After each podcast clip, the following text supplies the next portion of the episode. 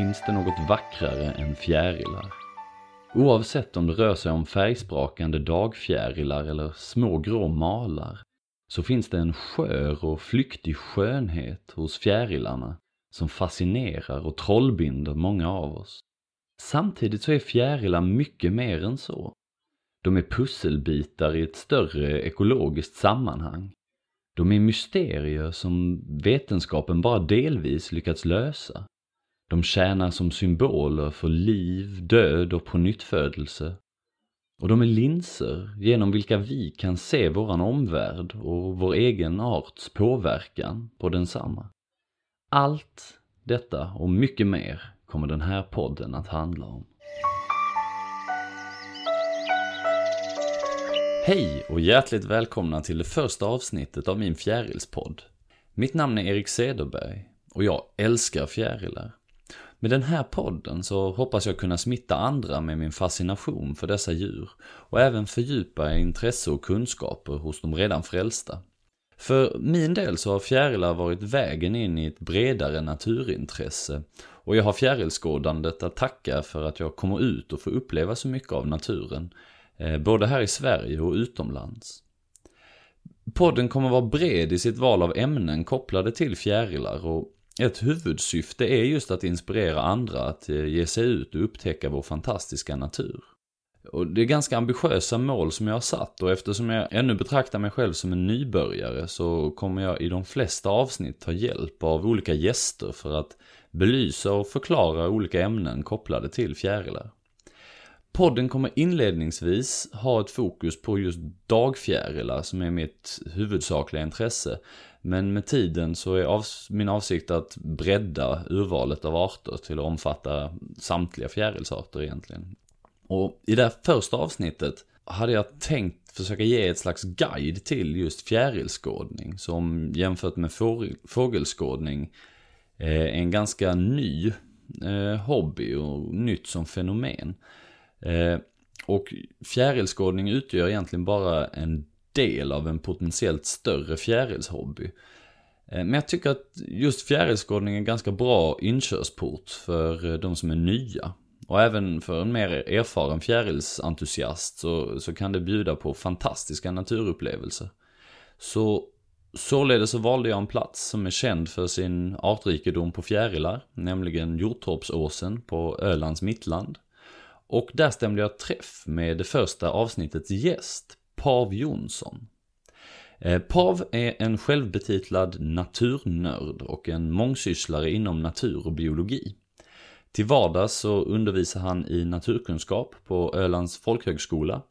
Men han leder även kurser och naturresor. Han skriver böcker om djur och natur. Svarar på lyssnarfrågor om detsamma i P4 Kalmar. Och en del av er som lyssnar har kanske sett honom i SVTs fågelsatsning som hette Det stora fågeläventyret. Och som sändes 2017, där han var med, han var med som en av guiderna där. Eh, I det här avsnittet så ger han oss grunderna i fjärilskådning. Och dessutom så passar han och jag på att ta en liten skådarrunda på Hjortorpsåsen. Det här avsnittet spelar vi in under slutet av sommaren 2018 och eh, jag ber er ha lite överseende med ljudkvalitet och mikrofonhanteringen här eftersom det var den första inspelningen som jag någonsin gjort. Så här kommer den. Då så, då välkomnar vi alla poddlyssnare till Öland och Jordtorpsåsen och särskilt välkommen första gästen i Fjärilspodden, Pav Jonsson. Ja, tjenare. Kul att du hade möjlighet att hänga på ut här. Det var ju eh. inte så långt bort om man mm. säger så. Jag bor på Öland så att eh, hemområde. Ja, lite av en Ölandsprofil får man säga. Eh, jag tänkte så här att eh, du är känd från lite, lite olika håll sådär med vad gäller eh, djur och natur. Hur kom det sig att du fastnade för eh, fjärilskådning också som en del i ditt naturintresse? Och finns något särskilt liksom fjärilsminne du har som du vet väckte detta? Eh, jag har faktiskt klurat på det där, för ja, det här med just ett, ett första minne. För min historia börjar egentligen att att eh, insekter, där fjärilar är ju bara en av många sorter, det var, det var nog det jag började med när det gällde naturen. Det var, då pratade vi dagisålder och försöka ta sig utanför staketet och fånga småkryp och lägga i burkar. Liksom. Mm. Eh, jag kommer bara ihåg att jag tyckte att blåvingar var oerhört snygga. Och de satt ju ofta stilla så man kunde titta på dem. Mm. Eh, men på den tiden så visste jag inte att det var massor med olika sorter. Men eh, det är ett sånt där tidigt minne av fjärilar. Men för mig kom det egentligen igång strax efter millennieskiftet när det var en del av någon anledning så var det en del fågelskådare som har varit väldigt hängivna fågelskådare som plötsligt började titta på lite mindre bevingade saker. Ehm, och en vän till mig, Bo Söderström, han gjorde en, en kan man kalla det för nästan som en, en fjärilsbok eh, for dummies. Det är inte riktigt sant. Det är en jättefin bok som han har gjort om eh, om svenska dagfjärilar. Eh, Ligger faktiskt bredvid oss här på bordet. Ja, Svenska fjärilar, en fälthandbok som faktiskt kommer ut en, en, en ny upplaga av har jag hört ryktas om. Sådär. En jättefin bok. Det, ja. det är ju så att det finns väl en 110-120 sorter fjärilar så det är lite sådär lagom svårt men ändå greppbart att kunna liksom ta sig an och lära sig. Ja, och eh, jag har hört, alltså det var, det var många den här sommaren just som ju har varit en väldigt varm eh, sommar. Så många vänner som vet att jag är lite fjärilsintresserad så har, har varit frågat, är det inte ovanligt mycket fjärilar? Och jag, jag, jag tycker jag har sett så många märkliga fjärilar som jag aldrig får se innan. Eh, så jag hoppas att vi eh, ligger lite rätt i tiden med en podd och eh, jag tänkte att vi ägnar det här första avsnittet åt att, åt att prata om den här lite nya formen av, av fjärilsintresse, att skåda fjärilar eh, som en, en del i naturintresset.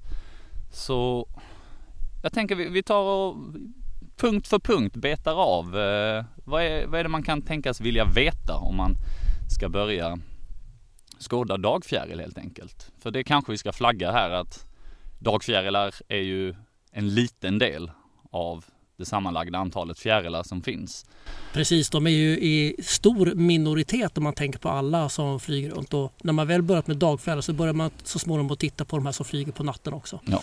Och då istället för att ha 110-120 arter som någon slags tak för vad man kan se så börjar vi närma oss ja, 2800 ungefär. Ja, så det är man får väl säga att det är inkörsporten till ett tyngre fjärilsintresse ligger så, hos dagfjärilarna. Eh, så, så, jag tänkte vad, vi har varit inne på det lite kanske, men om vi vänder oss till, till de som kanske lyssnar på den här podden och, och de som har sett mycket fjärilar. Varför ska man börja skåda fjärilar? Vad, vad, vad är charmen med det här intresset enligt dig? Det är, det är en liten flerstegsraket tycker jag att titta på fjärilar. För det första så är det ju en väldigt vacker djurgrupp mm. helt enkelt. Dagfjärilar är ju ofta väldigt färggranna, relativt stora och lätta att se. De är orädda, de flyger helt obekymrade omkring i trädgården och besöker blommor. Eh, så det första är att de är så himla lättillgängliga och snygga. Mm. Det, det, är väl, det är väl ett bra skäl. Eh, det andra är att när man väl börjar titta på dem så öppnar öppnas nya dörrar, nya världar öppnas för de har ofta ett oerhört spännande liv om man säger mm. så. De lever ju faktiskt kan man säga sitt liv i fyra helt skilda mm. stadier och egentligen blir det ännu fler om man tänker på hur alla olika larvstadier ibland kan också vara lite specialiserade. Så ägg, larv, puppa och sen den fullvuxna fjärilen som mm. man på fikonspråk kallar för imago. Precis. Ja, det är en vuxen fjäril. Eh, de lever ofta på helt olika sätt. Mm. Eller framförallt då larvstadiet och, eh, och den, den, den vuxna fjärilen, imagon, då, har helt olika levnadssätt. Mm. Larven äter på en sorts växt. Sen söker den vuxna fjärilen nektar på en helt annan. Om mm. den nu söker nektar, det är ja. inte alla som gör det. Nej, det, det, det är väldigt häftigt. Jag, jag tror jag skulle svara på ett liknande sätt vad gäller eh, fjärilsintresset. Alltså, det är ytterst få som inte reagerar på hur vackra dagfjärilar är i många arter. Och det är liksom en, eh, det är en färgprakt som man nästan inte hittar någon annanstans i vår natur här uppe. Så att det känns lite som ett exotiskt inslag i, eh, i vår karga natur om man jämför med vad vi hittar längre söderut. Eh, men just det här att när man väl börjar intressera sig lite så inser man vilket intrikat samspel som, som det finns mellan fjärilen, dess omgivning och de olika stadierna som du nämnde av, eh, av eh, eh, fjärilen. Så att det går liksom inte att inte börja intressera sig för naturen i stort också som omger eh, fjärilen. Om vi ger oss in eh, på själva eh, liksom skåderihobbyn här. Var någonstans skådar man bäst fjäril? Nu, känner jag mig så här, nu förvandlas jag som en, som en lepidopterologernas eh, motsvarighet till en sån här tv-träningscoach och säger ja den bästa fjärilskådningen det är ju den som blir av. ja, ja usch den, lät, den, var, den var dålig. Men det, det, det är faktiskt sant. Jag, jag, tror att det bästa är att, att titta på fjällar i, på platser där du redan är. Och i väldigt många fall så skulle jag säga det är din eller någon annans trädgård eller koloniträdgård. Mm.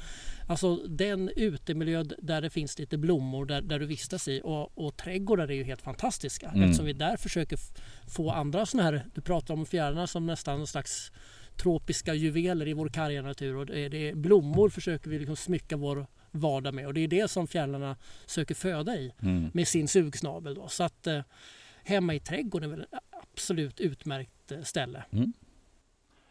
Ska man börja någonstans så kan man ju gräva där man står. Eh, om man sen ska vidga vyerna, för att det är ju ingen slump att eh, jag bestämde mig, eller vi bestämde oss för att sätta oss här på Jordtorpsåsen. För eh, om man då har tittat sig lite mätt på de arter man har precis runt knuten och, och vill se mer, då är det ju gärna sådana här platser. Vad är det som gör, om vi tar Jordtorpsåsen, vad är det som gör det här till en bra fjärilslokal? Det är, skulle jag säga, en, en, kombination av många saker. För ja, alla vet ju inte vad jordtorpsåsen är, men om man tänker sig att det är en variation av små små täta skogar med eh, stigar som är så pass öppna att solljuset ändå kommer ner. Ehm, det är ängsmarker, det är betesmarker där, där djuren håller marken öppen. Mm. Eh, det finns våtmarker insprängt här i, jag ska säga också, vi är ju i eller strax utanför ett naturreservat och det är klart att det är ju det av ett skäl. Det är ju att det är en otroligt rik mångfald av både mm. miljöer och arter här redan från början tack vare att det är så rikt och varierat växtliv. Mm. En av nyckeln är väl det där som du nämnde att ett, ett öppet landskap, det är ofta där man hittar eh, Eh, många dagfjärilsarter och... Med, med lite tillägg faktiskt. För att all, allra bäst för fjärilar skulle jag nog säga, där vi hittar flest sorter, det är de ställen där vi är på gränsen mellan olika miljöer. Som vi säger, på mm. gränsen mellan den här, vi sitter precis nu på en, ja, det här året, augusti 2018 är det ju ganska torr äng nu. Mm. Det, men, men det är fortfarande en väldigt artrik äng. Och bakom oss här så har vi björkar, hasselbuskar, oxlar liksom och sen så lite uppväxande sly precis intill. Så variationen och gränsen att vara mittemellan olika miljöer, där mm. händer det alltid jättespännande saker. Och sen ska man veta att fjärilar är lite som, som vi, de, de vill apa sol och sola på lite vindskyddade lägen så är det någon liten trädridå eller buskridå som, som skapar bättre mikroklimat och mm. direkt så får du mer fjärilar där.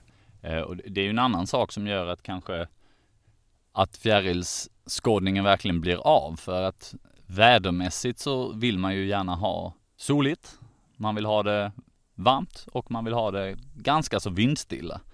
Och det är ju som du säger, det är angenämt både för människor och, för fjärilarna man ska skåda så att säga. Jag vet inte, vi, vi, kan ju säga det också att självklart så finns det ju massa andra naturtyper. Går du ut på en myr så kan du hitta specifika arter som är knutna just till myrmark. Kommer man upp i fjällvärlden eh, så, så finns det ju eh, självklart miljöer där som kanske de flesta av oss i Sverige inte har, har så nära till men som kan vara väldigt fjärilsrika. Så eh, ängar, ängar är bra att börja med men det finns massa annat att upptäcka också. Ängar och gläntor i skogen och skogsbryn skulle jag säga. Mm. Då har vi täckt in eh, mycket som alla har tillgång till. Men precis som du säger att det är ju Eh, när man fått lite blodad tand då vill man söka till, sig till lite mer exklusiva miljöer. Då har du verkligen täckt in två, två andra ytterligheter, myrmarker eh, i hela Sverige då. Eh, som är blöta och känns ibland lite svårtillgängliga och mm. myggiga och gungflyaktiga. Men, men det är definitivt en, en miljö där man hittar ett, ett gäng arter som man inte hittar någon annanstans. Och så fjällvärlden, jättebra exempel. Och när man nördar vidare ytterligare så mm. finner man att det finns en del riktiga ovanliga fjärilar som kanske bara finns på något väldigt, väldigt begränsat geografiskt mm. område. Vissa arter kanske du måste åka till eh, Östergötland eller Gotland eller, eh, eller Uppland för att se till ja, exempel. Precis. Eh, men eh, det finns mycket att upptäcka på de eh, platser som, eh, som vi har nämnt här, eller de naturtyperna. Eh, och ja, vi var inne på det lite, men om, om vi bygger vidare på, på det här. När bör man skåda? Ja, eh, när solen är framme. Det kan man göra det så enkelt? När solen är framme och sen ska man väl vara beredd på att en del dagfjärilar är lite sparsmakare. De kanske mest vill vara aktiva kring vad kan man säga, förmiddagen och ett tag efter lunchtid och sen tar de det lite lugnare senare på dagen. Men egentligen så länge det är varmt och solen skiner mm. så, så är det bara ut och titta. Ja. Om vi tar året och det här kanske en självklar eh, fråga. Fjärilar kallas ju sommarfåglar på, på danska och på norska. Är det bara sommaren som gäller skulle du säga? När eh, är det dags att snöra på skorna och ge sig ut på första fjärilsskådningen för året?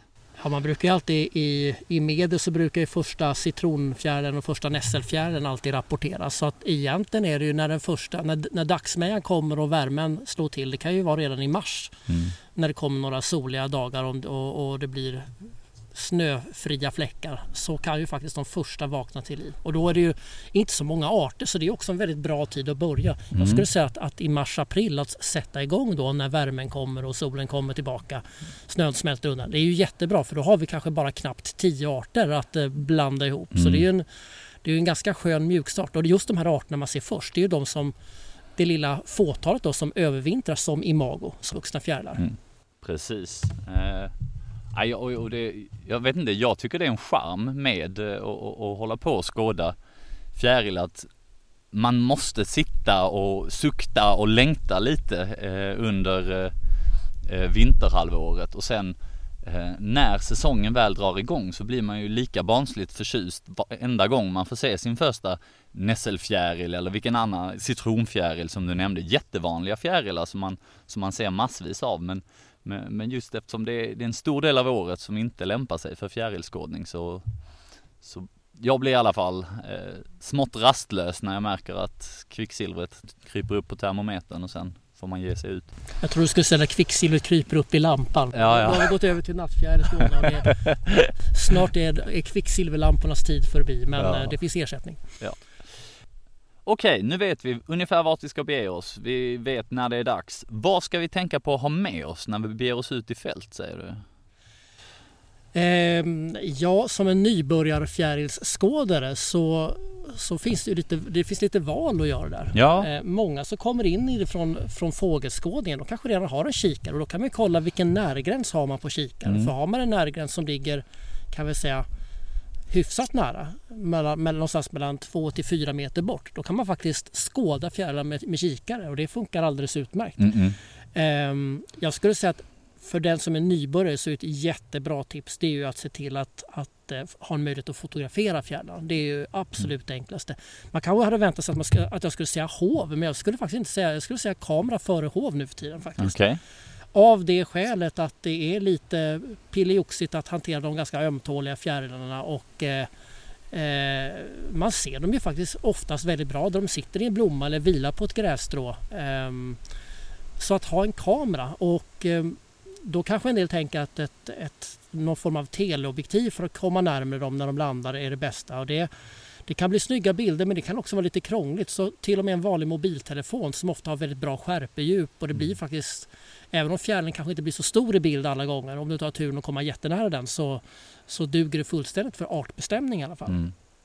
Ja, det är påfallande tycker jag hur, hur mycket bättre mobilkamerorna har blivit. Jag fotograferar, jag har ju en, en uh, digitalkamera också men det är det är ofta jag nöjer mig med att stoppa mobilen i fickan och ge mig ut. Alltså det blir förvånansvärt bra bilder. Och eh. ofta, så, ofta så funkar det faktiskt. Vissa arter är lite mera stirriga av sig och flyger mm. undan och smiter men, men ett jättebra sätt det är ju liksom det här med att ha lite tålamod.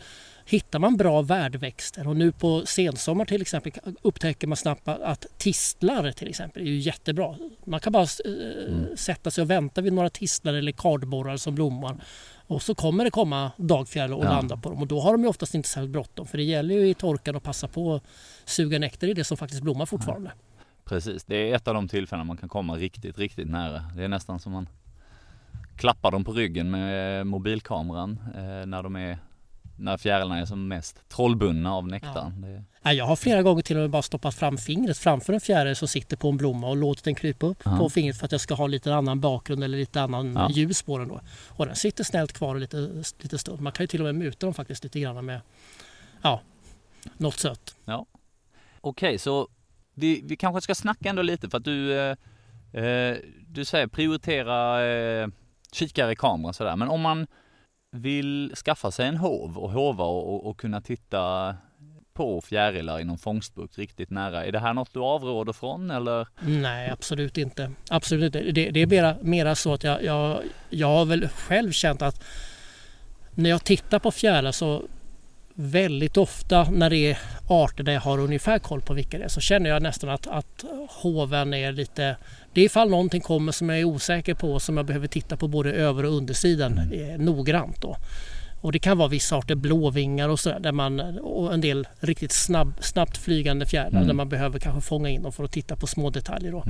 Mm. Um, men, eh, men det är ju absolut en bra sätt att, att komma nära dem som du säger, att ha en fångstburk och det behöver inte vara något märkvärdigt. Det kan vara den här eh, räk, räksalladburken som man har diskat ur. Det behöver ja. inte vara något eh, komplicerat. Man kan ju köpa plastburkar eller sådär. Men där hittar man olika varianter på. Det är oftast bara för att man ska titta på dem. Lägga över dem från hoven som mm.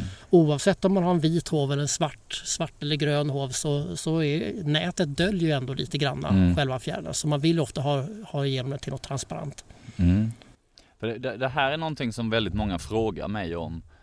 Ska man verkligen hova in dem?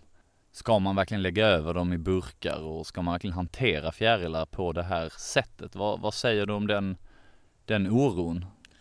Den, den, är relativt oproblematisk om man, om man inte går runt och konkar på dem i jättestekade sol någon längre tid innan man tittar på dem. Utan man fångar man in dem och lägger dem över en burk och tittar på dem en stund gärna lite i skugga då för fjärilens skull och sen släpper ut den så är det ju inga mm. som helst problem. Och har ni en burk gör det också lättare att kanske ta någon dokumenterande bild på den. Um, nej, jag tycker det är ganska oproblematiskt faktiskt. Um, jag vet att det här med, med, just det här med att vi faktiskt har lite större frihet när det gäller insekter jämfört med till exempel däggdjur och fåglar mm. i, i, det vilda. Mm. Uh, det kan man ju säkert ha, ha mycket åsikter om då. Jag, jag tänker ofta som så att när man liksom fångar in och tittar på någonting. Man, du får själv en kunskap som kommer generera någonting tillbaka. Jag, jag, jag tycker särskilt det är viktigt att man ska sätta några gränser för att komma nära djur och växter och sånt där. Mm. Särskilt inte för barn för det är så oerhört viktigt att det blir inte bara något slags tekniskt teoretiskt som man läser sig till utan man också får en praktisk erfarenhet och upplevelse. Jag, säger, jag brukar säga, eftersom jag jobbar som lärare också, upplevelserna är oerhört viktiga för att man ska lära sig någonting och behålla sitt intresse. Så bra, så då har vi grovt räknat tre typer av eh, skådning med kikare och med kamera och med hov. Ja, det skulle man väl kunna säga och kan kombinera ihop dem där. Eh, jag, skulle nog, är det något jag inte skulle vilja vara utan på en längre fjärilstur, då är det nog kamera faktiskt. Mm. Eh, men det är ju för att jag upptäckt att det är så oerhört enkelt och bra dokumentationsmedel vad för små detaljer som man kanske inte tänkte på att titta på. Uh -huh. Ja, jag, jag, vet inte, jag tycker vi, vi har täckt in en hel del. Vad, vi, vi, om vi ändå manar på folk ut i naturen så kanske vi bör diskutera vad ska man tänka på när man är ute i naturen? Är det vad bör man undvika att göra? Hur ska man bete sig? Vad säger du? Ja, jag, jag skrattar lite för jag, jag, jag på det. Vid några tillfällen så har jag haft med mig hov. Eh, just för att liksom jag råkar ju vara en sån som är av den nya skolan som mest dokumenterar med, med kamera då. Mm. Eh, men ibland behöver man fånga in för att titta på dem och, och en del har jag märkt förknippar det här med fjärilshoven med ett slags samlarintresse då. Att man mm. samlar fjärilar som frimärken och sådär. Så det kan man vara beredd på att, att folk, folk undrar lite grann vad är det du gör när du springer runt med en hov och så. Mm. Eh, men det är väl inget större problem tycker jag så. Utan det, om någon tycker att man ser lite lustig ut och undrar så är det väl bara att fråga så berättar man ju. Ja. Ehm, men vad som kan vara bra att tänka på det, det, är kanske det man inte tänker på. Väldigt ofta så handlar ju fokuset om den, den här imagofjärden, den vuxna fjärden som man fångar in och tittar på. Men vad man kanske tänker mindre på det är att större delen av livet lever den faktiskt som ägg, larv och puppa mm. i tid räknat. Och då är det så att en del fjärilar de kanske är lite ovanligare och känsligare och då kan man faktiskt tänka sig för ibland var man pr promenerar runt för att, mm. för att få fotoläger eller lyckas hova in den där, den där vuxna fjärilen. För det, det kanske är en viktigare grej att man inte håller på att trampa ner ett litet bestånd av värdväxten till exempel som mm. larven lever av. Mm. Eh, det finns en del eh, ovanliga fjärilar i Sverige. Där bör man definitivt tänka sig för lite grann var och hur man rör sig. Ja, nej, det var, det var lite det jag var ute efter med min fråga såklart. Och jag tycker, jag tycker för egen del har jag märkt att det, det är ännu lättare att glömma bort sig när man bara ska ta den där perfekta bilden på just den här fjärilen som man hittat. Och jag minns jag försökte fotografera när jag var riktigt ny på det här med fjärilar. Försökte fotografera en ängsnätfjäril som är eh, ovanlig på många ställen men vanlig här på Öland eh, kan man ju säga. Och, och, jag var helt fast i att få en, en, en snygg bild på fjärilen och jag liksom la mig ner för att inte skaka något på handen, ha extra stabilitet med båda armar. Och så flög fjärilen. Och jag efter. Och så upprepade jag det här och sen när jag väl hade fått bilden jag var nöjd med och reste mig upp så kunde jag ju se den här Eh, nu var det inte en blomsteräng riktigt, men gräsmark med, med, med, blommor insprängda och det såg ju inte grant ut alltså. Där hade jag legat runt och förstört eh, ganska mycket av de här blommorna. Nu upptäckte jag tack och lov att det, det var inte där de flesta fjärilar uppehöll sig utan det fanns en ännu mer blomrik hage nära. Men det är lätt att glömma bort sig. Ja, och samtidigt så vill jag inte eh, förstora det här eh, som något, något, något jättebekymmer. För ute i gräsmarker där ligger sig eh, kor och får och hästar och sparkar runt och sådär. Så det är ju en del av ja, att det finns djur som går omkring och, och äter av markerna. Mm. Det, det ger ju samma typ av störning egentligen, eh, om inte mer, än vad, vad, som händer när en enstaka fjärilsskådare springer runt där. Men, men det är som jag säger, det är kanske specifikt där det är några vissa lite ovanligare fjärilar som man letar efter på en bestämd plats. Det, det är väl där man verkligen behöver tänka, tänka mm. sig för. Och sen skulle jag säga så här att jag vill inte lägga några, några hinder så för, i början utan det här är sån kunskap som växer fram. Man springer ju sällan på de mest ovanliga fjärilarna bara sådär utan eh, det är nog när man mer aktivt börjar leta efter värdväxten till, till larven av en viss fjärilsort eller så. Det är, det är väl då man får börja tänka till lite grann. Ja. Jag kan alltså somna lugnt utan allt för stora skuldkänslor för mitt fotograferande. Jag tycker det. Ja. Jag tycker, inte, jag tycker, jag tycker att, eh, att nyttan av att fler blir intresserade av naturen det överväger alla små, små dilemman och moraliska eh, vad ska man säga, själv, för jag menar, det, det är ungefär man tänker så här, du, någon hoppar in i en bil och åker till istället för att titta på den vackra naturen där. Hur många insekter strök med på fem minuters bilfärd på sommaren? Det kan man ju, ja, och då, då inser man att det är ganska mycket vi människor gör som, som leder till saker men de långsiktiga konsekvenserna är oftast ganska små, tack och lov. Ja, så är det. Eh, har vi någonting mer? Jag tänker så här eh vad ska man ha med sig? Nu har vi talat specifikt om, om eh, liksom utrustningen till, till skådan. Något annat man ska tänka på? Ja, vad ska jag säga? Det viktigaste är ju det här för att på något vis... Jag tycker då kameran är viktig som en slags dokumentationsmedel. Mm. Eh, för det är så mycket detaljer att titta på så att den, den vill jag... Jag vill inte vara utan någon form av fotograferingsutrustning. Om det nu är en mobiltelefon telefon eller systemkamera eller någonting annat. Det, det, det spelar mindre roll. Um, men sen är ju det här med litteratur och det är också en sån här sak att har du kamera då kan du också klara dig från att ta med dig allt eh, i litteratur. Men om du annars vill titta på, på plats då gäller det att ha med sig mm. bra böcker. Och det finns, eh, hade du frågat mig för, för 20 år sedan då hade jag sagt att det var lite skralt med bra litteratur på mm. Så är det ju absolut inte längre. Nu har det Eh, vi har nämnt tidigare då eh, Svenska fjärilar, en fälthandbok av Bo Söderström.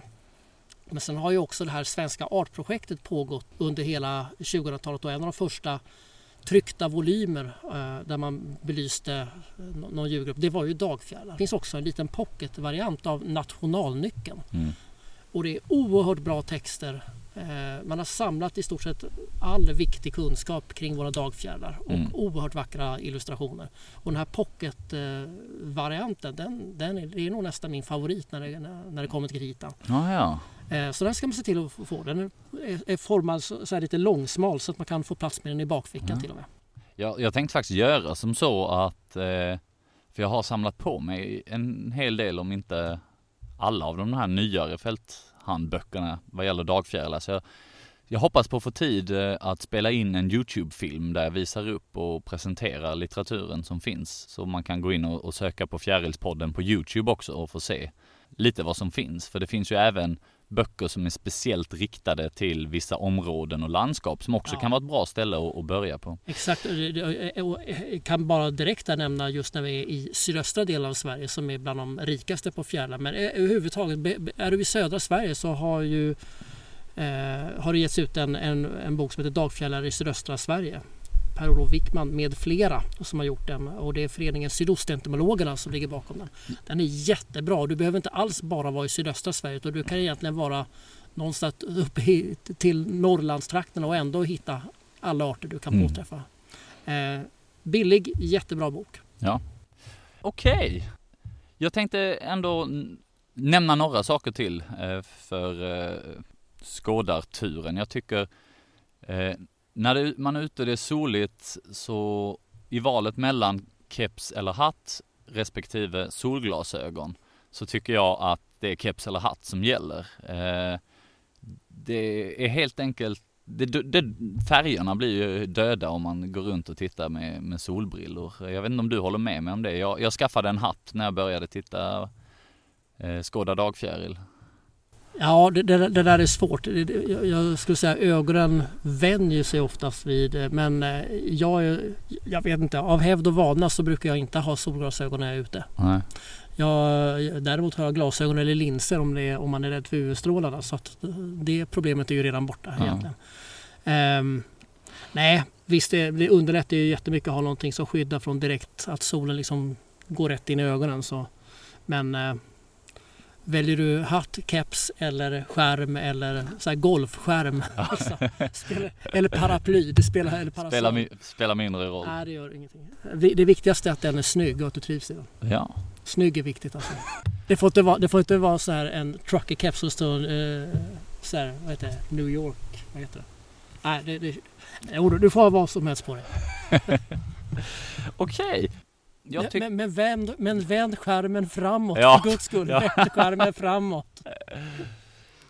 Ja, det är väl den sista varningen vi behöver ge. Eh, sen tycker jag att vi eh, får ju ändå ge jordtoppsåsen en chans att visa upp sig här i eh, första avsnittet. Så eh, jag tänker vi går, en, eh, vi går en runda och ser vad vi kan hitta på av. Eh, men vi höjer insatsen här.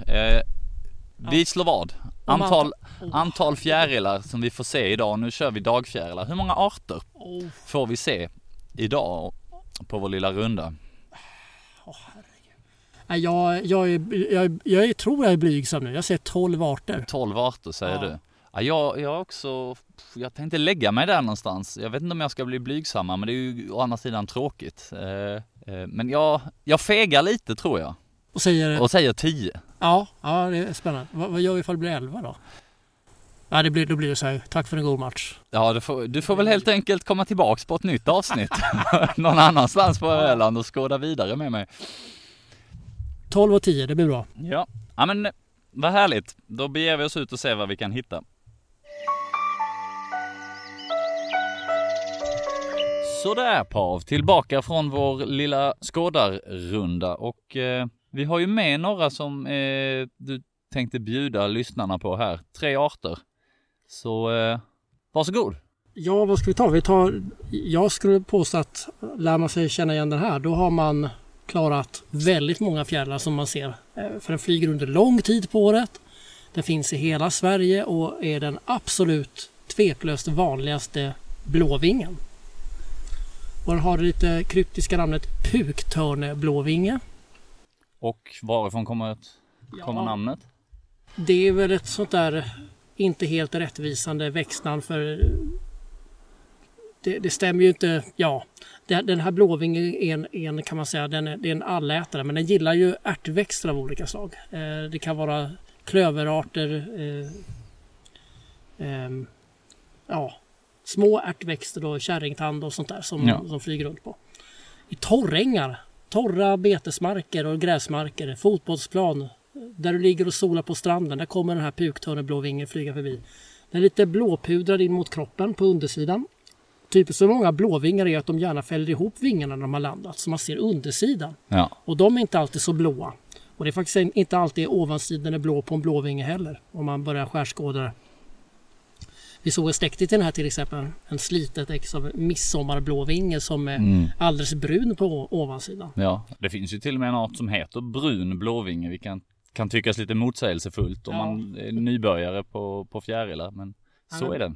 Puktorreblåvingen, jättevanlig men, men blåvingarna finns det många av. Det är nästan 20 arter i Sverige och eh, en del är väldigt lika varandra. Men den här har en liten karaktäristisk vit kil som går, går upp på, på bakvingen som en liten spets in mot eh, kroppen. Det brukar man kunna ha som en slags liten ledtråd att det är en puktorreblåvinge man har hittat. Men den är trevlig, vacker. Eh, hare som blåvingarna oftast då ska ha. Blå ovansida på vingen. Om det är en vacker hanne som jag tror att det här var. Ja, vi, vi kan ju säga det. Vi, vi börjar prata om, om undersidan. Om man inte har tittat på fjärilar sådär så tänker man oftast på de vackra ovansidorna på vingarna man får se på många arter på blommor. Men när, när man ska in och bestämma olika blåvingarter från varandra och pärlemorfjärilar så är det gärna undersidan man vill, man vill titta på. Det är helt enkelt enklare även om det kan finnas skillnader på ovansidan också. Ja, nej precis. Just blåvingarna, där är det nästan fler detaljer att titta på på undersidan än på ovansidan. Och likheterna kanske är större med hur de ser ut där. Men eh, den... eh, Det är väl en... Nu tittar jag ditåt. Det är väl en... Är det en rovfjäril du pekar på? Ja, jag tror att det är rovfjäril. Jag, jag hetsar lite här på att få in en uh, kolfjäril, men den var lite för liten för det. Ja, vi går tillbaka. Ja, ska vi släppa ut puktörnen och gå vidare? Så får den, vi göra. Ska vi se om det hörs när den flyger ut här? då får hålla den ännu närmare micken kanske. Nej, det var en, ett tyst flygare det där. Nu är den iväg i alla fall. Så, nästa art i nästa burk.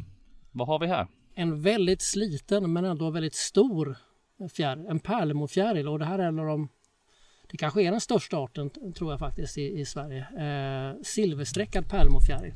Och även där är undersidorna ganska bra. På, på, inte minst den här arten som på bakvingens undersida, det är den man ser mest av. Där är det liksom lite grönskimrande puder och så har den tre stycken tvärgående så vita stråk, vita strimmor som kännetecknar arten. Så den är ganska lätt att känna igen faktiskt. Ja.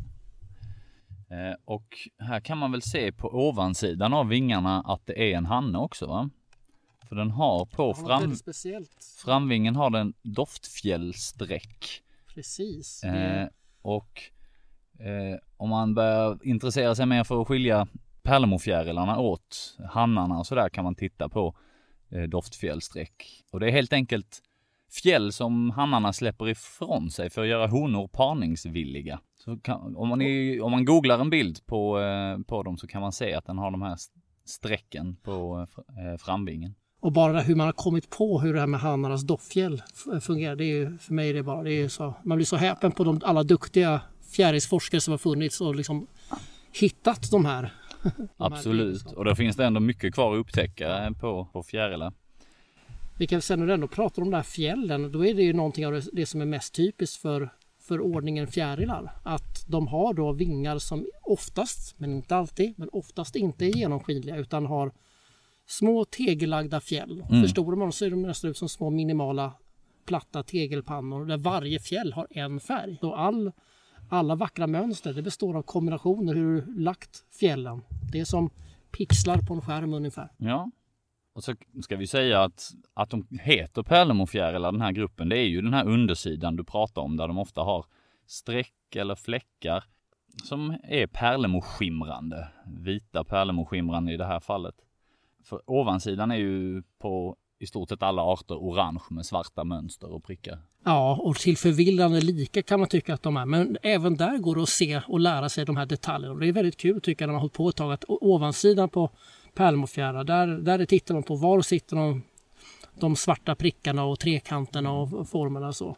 Men sen är ofta undersidan, där hittar man oftast de stora artskiljande karaktärerna faktiskt. Och en del har ju oerhört vacker lyster i de här pärlemorfläckarna då på undersidan. En del i vissa ljus så är det verkligen så att det, det, det gnistrar åt det nästan blålila hållet. Mycket vackert. Just den här verkar ju lite trött. Jag vet inte om vi ska ge den lite tror- vatten eller? Ja, om det, det kanske hjälper. Vi kan testa. Den är väldigt, väldigt trött kan jag säga. Men den är också, som man säger, överflugen. Den är väldigt sliten. Ja. Eh, Det är vanligt att eh, i det här sista tillståndet, i- magotillståndet, så förlåt, nu lämnar jag micken där, men de lever ju inte så länge. Nej. Det kan, det kan handla om från några dagar till max ett antal veckor. Och citronfjärilen är väl den som har rekord. Den kan bli riktigt gammal i det vuxna tillståndet, men annars Det är ju just för att den spenderar vintern i vuxet tillstånd. Det gör Ja. ju de flesta fjärilar gör ju inte det. Nej, och sen kan de dessutom ligga ganska länge under, under, under våren sen. Men vi får se hur det går med den här stackaren. Den verkar lite minst sagt trött. Ja, ska vi ta sista burken? Ja, och här har vi en till formen lite annorlunda fjäril. Precis, det här är inte många som förstår ens att det är en dagfjäril för att den, den svirrar runt ungefär så som man upplever att nattfjärilar gör. Väldigt små, korta vingar i förhållande till kroppsstorleken. Det är ganska brett huvud så den tillhör en grupp fjärilar som kallas för tjockhuvuden. Men den visar att den ändå tillhör att den står närmast dagfjärilarna för att den har en klubbformad antenn och det kännetecknar ju dagfjärilar att de har en liksom liten klubba längst ut. Precis. Nattfjärilar brukar ha antingen fjäderformade eller raka antenner men de, är alltid, de har ingen klubba längst ut. Men den här lilla rackaren då, bland tjockhuvudena, heter sill... ehm, vad heter den? Eh. Ska jag sufflera? Ja. Bara för att vi pratar om silverstreckad pärlmånfjäril så blev det fastnade orden i munnen på mig. Nej men eh, silversmygare. Mm. Guldgrön skimrande vingundersidor med små, nästan som pärlmåfjärilen då, nästan så här lite gnistrande, silvervit gnistrande små prickar. Väldigt tydliga prickar på. Och det här är, om inte jag minns fel, så är den här till och med upptagen på rödlistan. Så det här är, Jag tror det ja. ja, så det här är ganska ovanlig och det är lite svårt att veta vad är det som gör just den här arten så så begränsad i sin utbredning i, i Sverige. Det är en riktigt så här torrmarksart men så finns det en sort uppe i fjällen också. En variant eller en underart av den här. Men det, är- den trivs i solvarm gräsmark där larverna lever på olika så här, torrmarksgräsarter. Framförallt fårsvingel som är ett ganska vanligt gräs i torra betesmarker. Det är väl favoritföda men går på många olika gräsarter. Det. Och övervintrar som ägg gör de faktiskt. Ja, Också, det är sådär olika. En del övervintrar som larver, en del som puppor. En del som imago och en del som ägg.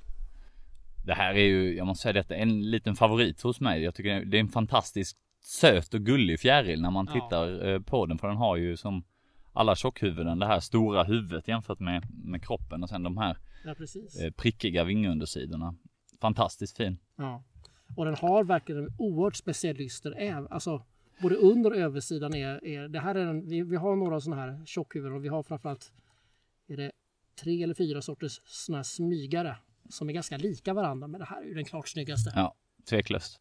Man, kan ju säga det också, den här hette ju tidigare allmän ängsmygare så det skvallrar ju om att den har haft en helt annan utbredning eh, än idag. Och det är ju tyvärr fallet med allt för många arter att när landskapet skiftar på grund av skiften i jordbrukspraktik får man väl säga så, eh, så drabbar det olika arter. Och en, en del, ett fåtal vad gäller fjärilar gynnas faktiskt. Men det stora, stora flertalet drabbas ganska hårt. Ja, det här, det här gamla ängsbruket där man har ogödslade gräsmarker som var väldigt örtrika, må- många olika blomsterväxter i. Det var ju perfekt för fjärilar. Jag kommer precis hemifrån, jag har faktiskt lett en fjärilsresa för Avifauna naturresor nere i Transylvanien. Ja, Där ja. har man ju fortfarande ett ganska gammaldags sätt att bruka marken med, med klassisk ängslotter och det, det, alltså, det går inte att jämföra Nej. rikedomen på fjärilar där nere mot mot här faktiskt. Eh, Det, det, det gör en jätteskillnad just att det är så artrikt i de här betesmarkerna och slåttermarkerna. Ja, det är kanske Transylvanien man får bege sig till. Ja, det rekommenderas varmt. Ja, ska vi ta och summera då för en, i alla fall. Jag eh, ser gärna att vi summerar antal arter här för vi hade ju två olika bets placerade. Ja, jag satsade högt där på 12. Arterna vi fick se då eh, var puktörneblåvingen och eh, midsommarblåvinge som du nämnde. Sen hade vi ju tur och fick se en annan lite ovanlig eh, Precis. blåvinge, väpplingblåvingen. Som egentligen bara är, ja den är inte riktigt vanlig någonstans men där den, där den förekommer mest talrikt i alla fall det är ju på Öland och Gotlands allvarmarker och eh, ja, torra betesmarker. Och även i Skåne finns det men annars är den en stor, stor sällsynthet i Sverige. Så det var kul. Vidare då fick vi se slåttergräsfjäril, kamgräsfjäril. Vi var ju även inne i skogen en sväng och fick se kvickgräsfjäril som eh, man inte får se ute på ängar och precis, men är man i en skog med lite, Lite- solfläckar på marken sådär så är det idealiskt. För, Precis, de håller nästan som små revir inne i skogen i små, där solen sipprar igenom. Och den eh, gräsfjärilen är inte sådär jättevanlig i hela Sverige. Så Nej. där den finns, där finns den ofta. Men sen kan den vara faktiskt frånvarande på andra ställen. En charmig fjäril. Silversmygaren har vi pratat om och den silverstreckade pärlemorfjärilen. Och sen fick vi se två stycken vitfjärilar. De, jag tror så här de allra flesta känner till kolfjäril, men det finns två snarlika som heter rapsfjäril respektive rovfjäril. Och rov kommer från rova där och den är inget rovdjur. Nej, precis. Eh. Det kan vara bra att säga. Det, det tänkte jag också första gången jag hörde namnet. Ja. Eh, men då summerar vi tio stycken arter. Och Ja, vad var det du hade gissat på? Tio stycken arter Pav, så Ja, jag känner eh, mig- jag jag, känner mig kommer hålla huvudet högt resten av dagen. Ja, och jag får väl jag får väl skylla på torkan eller någonting annat som kommer med någon annan slags eh, undanflykt. Där har jag faktiskt två silversträckor som är i, på gång att para sig. Där. Ja. Ser det? Ja. Vi får se om honan Luk- verkar inte helt villig. Nej, luktfjällen verkar inte funka. Nej. Ja, det är lite... Det är på sluttampen där så de har inte så många chanser till på sig. Det kan vara så att hon har lagt klart sina ägg och är helt ointresserad därför. Båda ser slitna ut. Ja, det gör de. Men men, eh, jag tänker att vi får väl avsluta med att du ändå får en, en liten chans att eh, flagga på, för dina projekt och vad du eh, pysslar med och om folk är mer intresserade av att höra mer av dig. Vad, vad ska man göra? Men du vet, jag har ju sån här hemsida vet du. Ja, ja. Pavjonsson.se, där kan man gå in och där brukar, jag brukar leda lite guidningar och sånt där. Och som sagt, det händer ju till och med att jag leder fjärilsresor, inte bara här på Öland utan, utan utomlands, höll jag på att säga. Så jag eh, guidar också för na, mm, avifauna naturresor. Mm. Och det brukar vara lite brett då. Att det, inte, eh, att det kan vara både fågel och fjärilar och lite mittemellan. Till exempel växter. Jag ska leda en orkidéresa. Eh, till eh, Sicilien i, i vår. Tyvärr kanske så tidigt så att det inte är så gott om fjärilar än, men man vet aldrig. Nej. Eh, ja, men det är väl det. Och sen kan jag väl bara säga också att jag håller på med en eh, bok om Ölands natur som jag hoppas blir klar under 2019 då. Kommer ut under 2019 som kommer handla om eh, alla unika inslag i den öländska naturen. Och Mm. då får ju förstås fjärilar sin beskärda del. Ja, fantastiskt. Den ser jag fram emot. Du har ju en sen tidigare, Ölands fåglar, så har vi någon fågelintresserad lyssnare så kan ju den vara en annan bok som du, den var du redaktör för vill jag minnas. Ja, precis. Det är jättemånga författare till den. En bok som täcker in det mesta man kan behöva veta om fågelskådning och fåglar på Öland. Så allt som flyger intresserar mig nästan.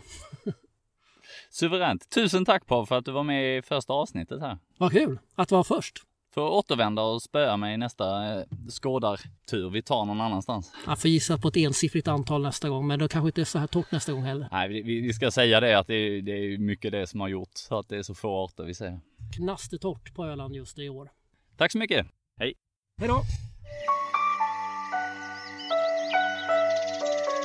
Detta var det första avsnittet av Eriks fjärilspodd. Och du kan hitta mer information om podden och dess avsnitt på Facebook-sidan som också heter Eriks fjärilspodd. Där kan du även ställa frågor, komma med önskemål, tipsa om gäster du vill höra på podden, ge kritik och konstruktiva förslag med mera. Och om du vill stödja den här podden så kan du göra det genom att tipsa vänner och bekanta om podden och dela med dig av den på sociala medier. Du kan även stödja podden direkt genom att swisha pengar till nummer 07 33 56 49 67. Och de här bidragen gör att jag kan lägga mer tid på podden och jag kan även betala för den utrustning som jag behöver för att producera den. Så stort tack för ert stöd och tack för att ni har lyssnat.